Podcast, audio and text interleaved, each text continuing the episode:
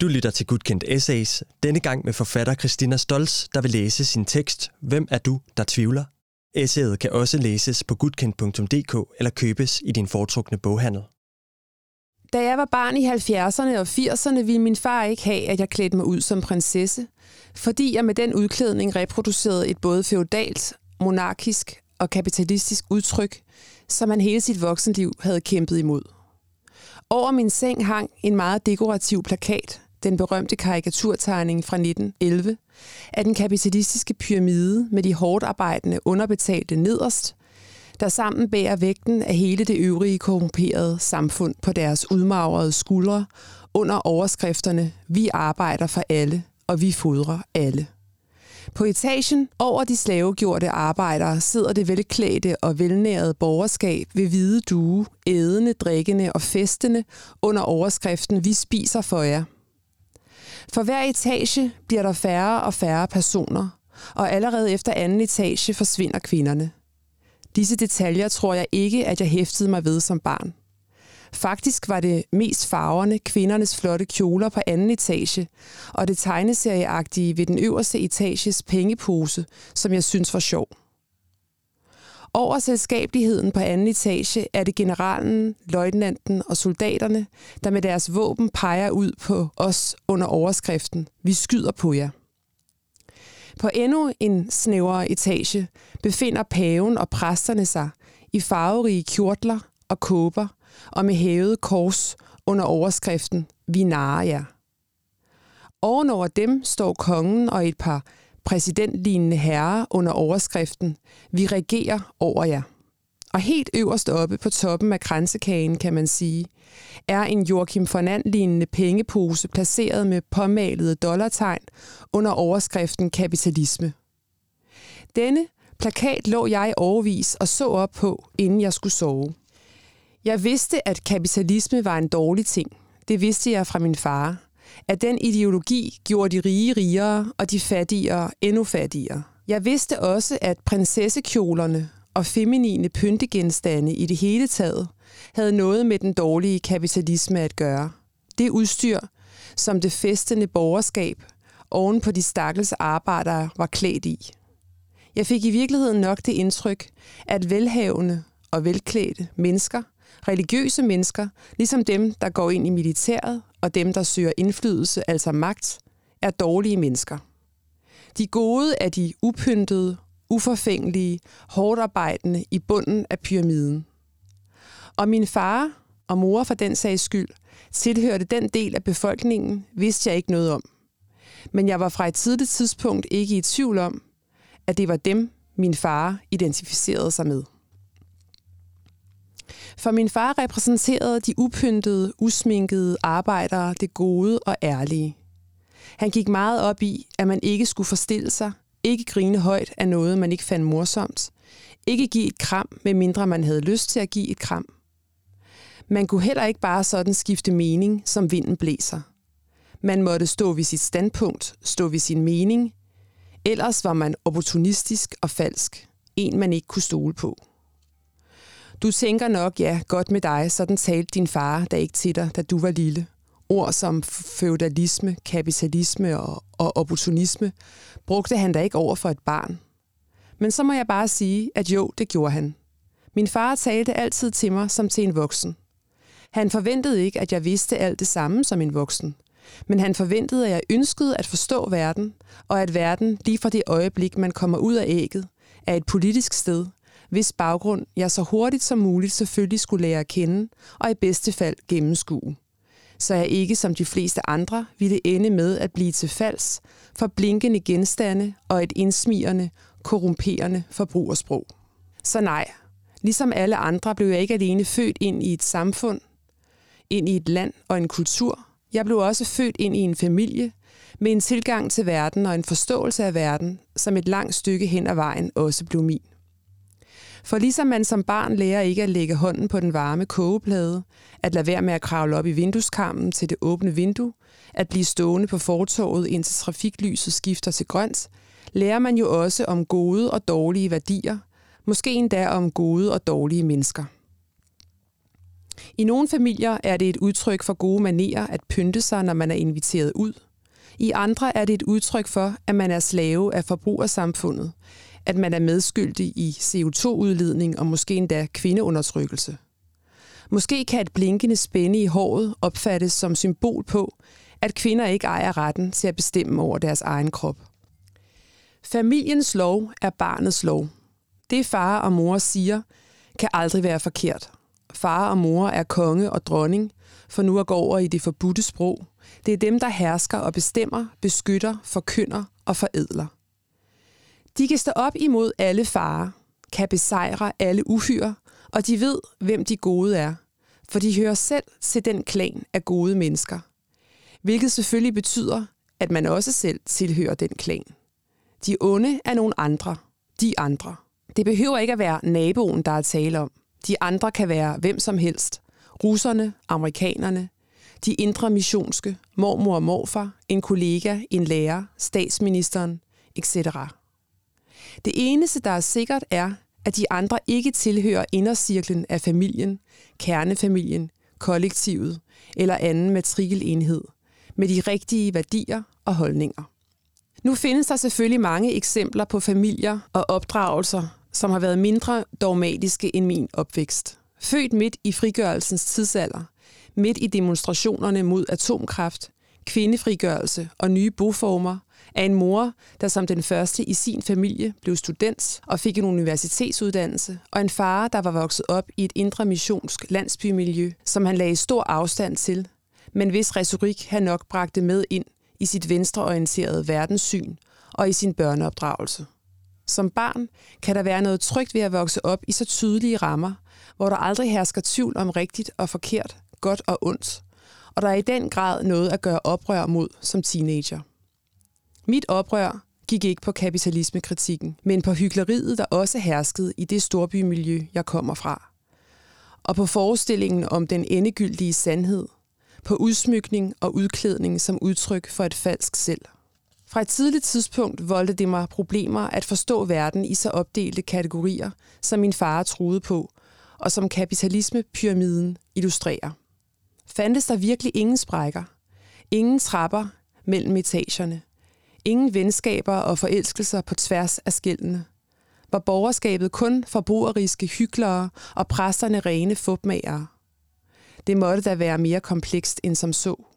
Og jeg kunne heller ikke så skråsikkert som min far sige, at jeg ikke troede på Gud, eller i hvert fald på et eller andet uforklarligt mellem himmel og jord. I det hele taget havde jeg svært ved at være stålsat i min overbevisning, hvilket jeg meget hurtigt forstod var en svaghed ved min karakter. Ved middagsbordet blev der debatteret. Jeg forsøgte at mene noget, og virkelig tro på det, jeg sagde. Men hver gang endte jeg i en stivnet form, hvor jeg mere end når jeg klædte mig ud, sminkede mig, eksperimenterede med mærkelige frisyrer, frøs til i et falsk selv, noget jeg tydeligt mærkede ikke var mig, men noget postuleret, vildet, som jeg følte mig fremmedgjort overfor. Tvivlen var fra et tidligt tidspunkt min evige følgesvend. Tvivlen på, at der kun fandtes én opskrift på, hvordan man kommer uretfærdigheder, grådighed og ondskab til livs. Betød det så, at jeg i bund og grund var kapitalist, en udbyttende natur højt oppe i pyramidetårnet til falds for propaganda og blinkende genstande. Jeg forsøgte at give udtryk for min tvivl, men fik at vide, at jeg var en drømmer, en urealistisk, eskapistisk natur, der endnu ikke havde fundet fodfæste. Det var til dels naturligt for min alder, sagde min far, og men han havde svært ved at kapere det.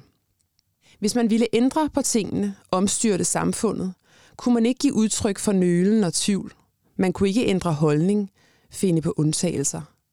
Hvis revolutionen nogensinde skulle opnås, var der kun én vej at gå, et sprog at tale, én tankegang at forfølge. Jeg så op til min fars urokkelighed, hans idé om en verden, hvor alle var ligestillede, hvor religionens undertrykkende funktion ikke længere havde gang på jorden, men jeg blev også konstant ramt af en utilstrækkelighedsfølelse ved ikke i sproget, rundt om middagsbordet, at kunne matche hans urokkelige udsagn. Uden selv at være klar over det, gik jeg fra et tidligt tidspunkt på jagt efter et andet sprog, end det politiske pyramidesprog. Jeg ville forbi hierarkierne, det staccato-agtigt opremsende programskrift, hvor landskaberne er blevet slugt i firkantede skæld, menneskelivet ensartet fra fødsel til død, med den gode hensigt ikke at forskelsbehandle. Jeg søgte ind i musikken, avantgardistisk dans, moderne kunst og fotografi, for at ende i poesien. Hvad ville jeg dog der? Det vidste jeg ikke. Jeg vidste ikke engang rigtigt, hvad det betød, det jeg læste. Det, det var det. Så er det begyndt. Det er, det bliver ved, bevæger sig, videre, bliver til, bliver til det og det og det, går videre end det, bliver andet, bliver mere, kombinerer andet med mere og bliver ved med at blive andet og mere. Jeg vidste bare, at det var sandt, det jeg læste. At det sprog fortalte noget sandt om, hvad det vil sige at være menneske. De uendelige lag af flertydigheder og stemmer, betydninger og forvandlinger, som menneskesjælen indeholder. Nuancer, der ganske enkelt gør programskriftet ubrugeligt. I poesien fandt jeg et sted at høste frugten af al min tvivl. Jeg troede på tvivlens omstyrtende potentiale, at turde stille sig ud i det åbne, i en æstetisk form. At turde være flertydig, ubeslutsom, polyfon og systematisk usystematisk. Jeg var ung i en tid, hvor alt kunne lade sig gøre. I 90'erne kunne man bare tage rygsækken på ryggen og begive sig afsted. Så det gjorde jeg. Ingen grund til at beslutte noget definitivt, at lægge en stram plan, for fremtiden var venlig og imødekommende. Endelig var murene brudt ned, og jeg troede på, at de ville forblive nedbrudte, at der ikke længere var brug for det dogmatiske sprog, at propaganda, programmer, dem versus os, modsætninger, var et overstået kapitel.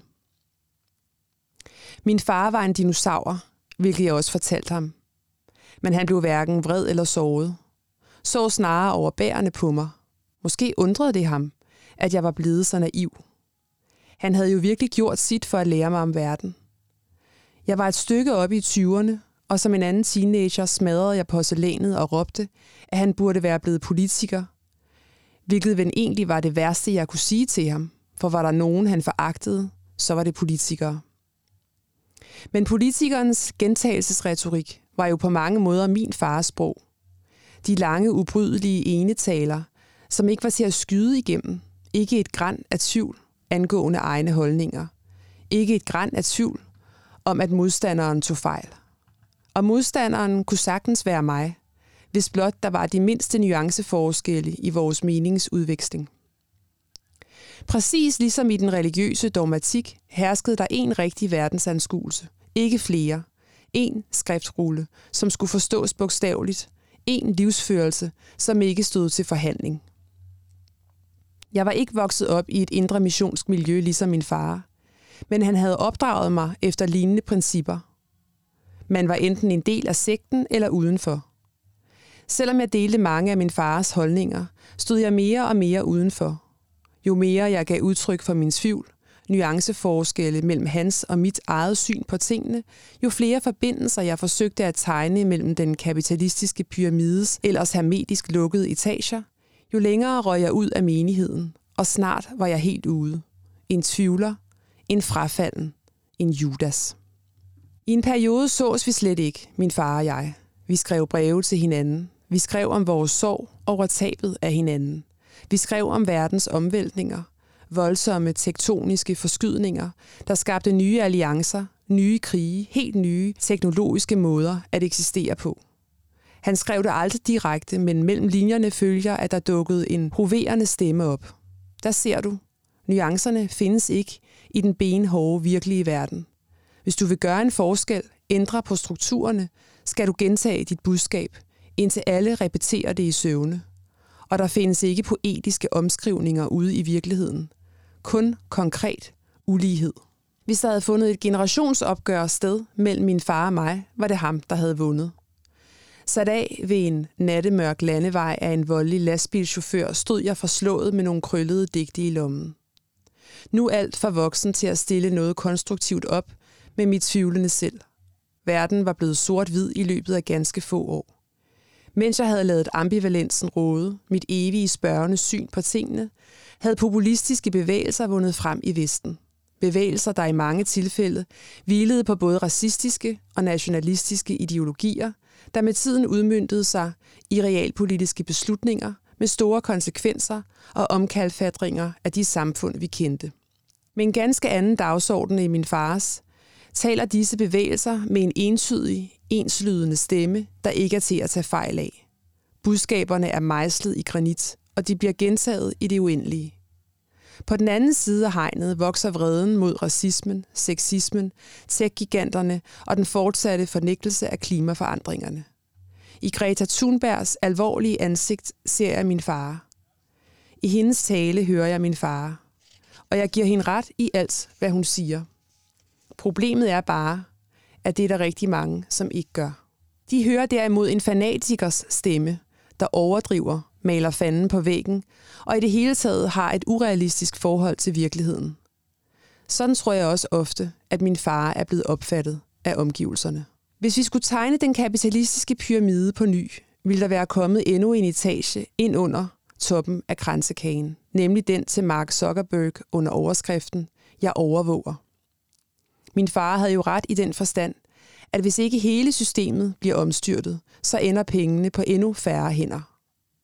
Vejen til de hænder gik blandt andet gennem en forenkling, en reducering af sproget.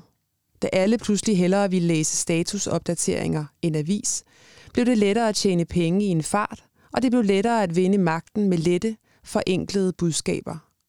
Ligesom det blev lettere at have en holdning til ting, man ikke ved noget om. Lettere ikke at kunne lide de andre.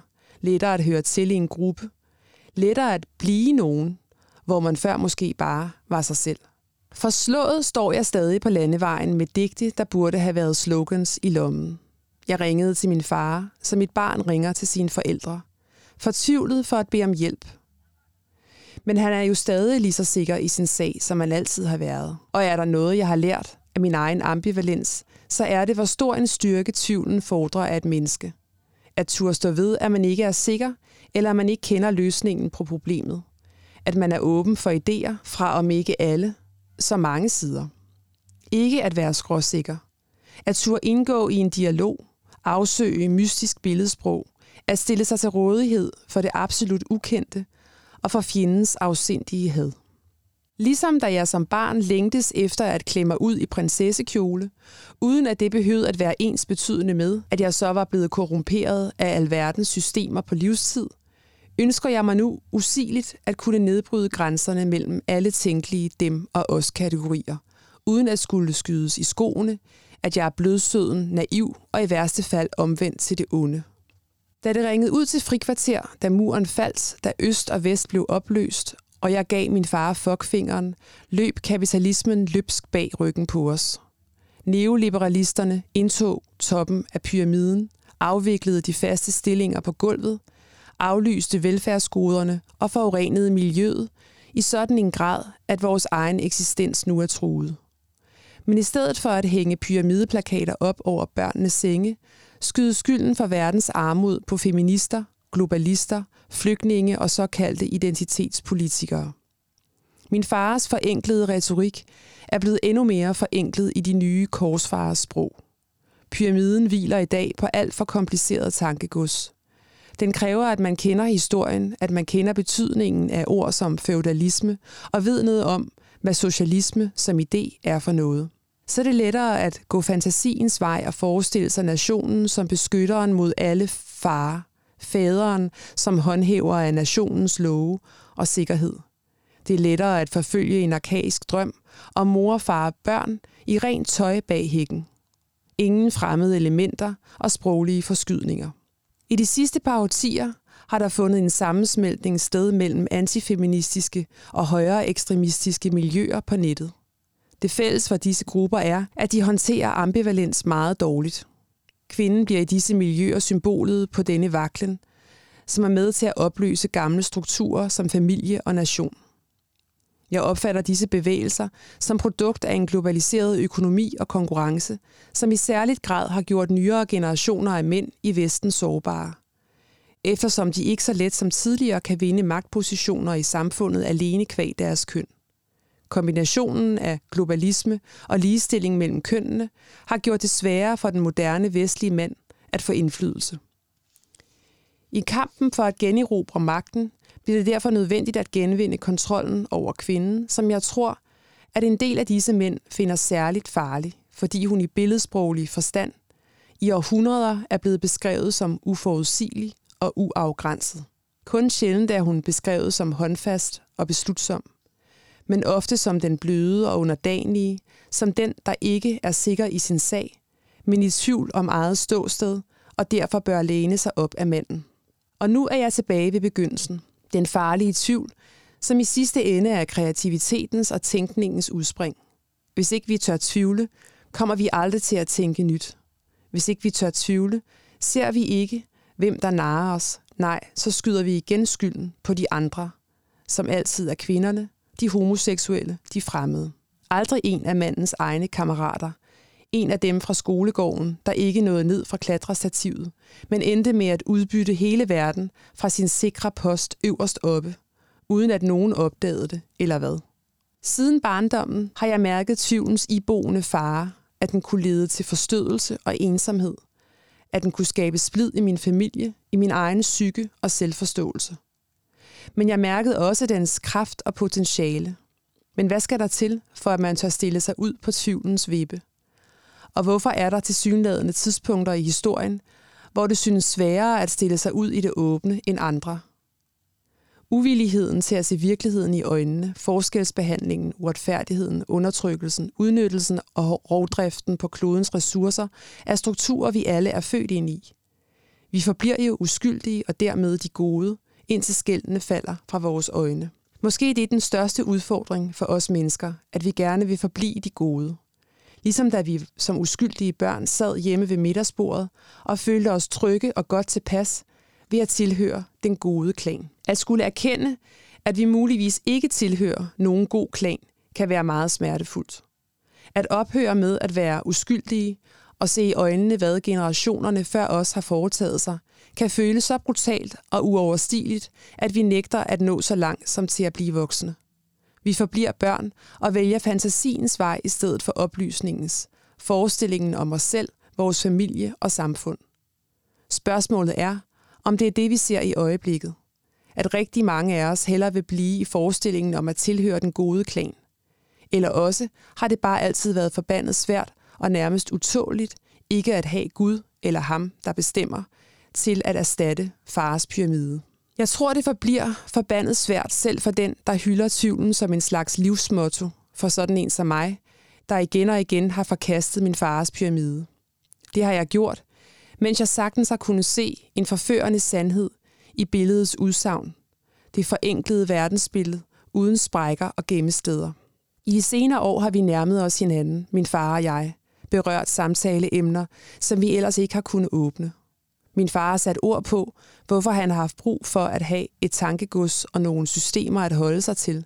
Så ikke alt bare er kaos, har han sagt. Så ikke alle sandheder kan stå til forhandling. Dybest set er vi enige.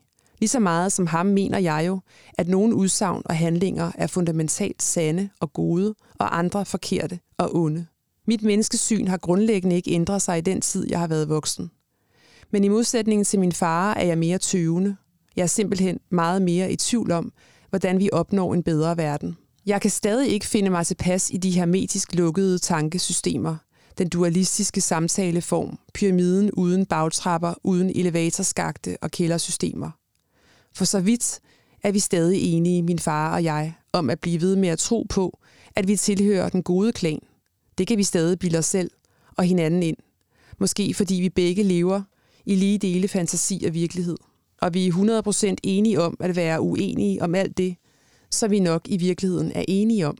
Derfor fortsætter diskussionen i en uendelighed, og jeg fortsætter med at være i tvivl om lige så meget, som dengang diskussionen begyndte. Du har lyttet til Hvem er du, der tvivler af Christina Stolz.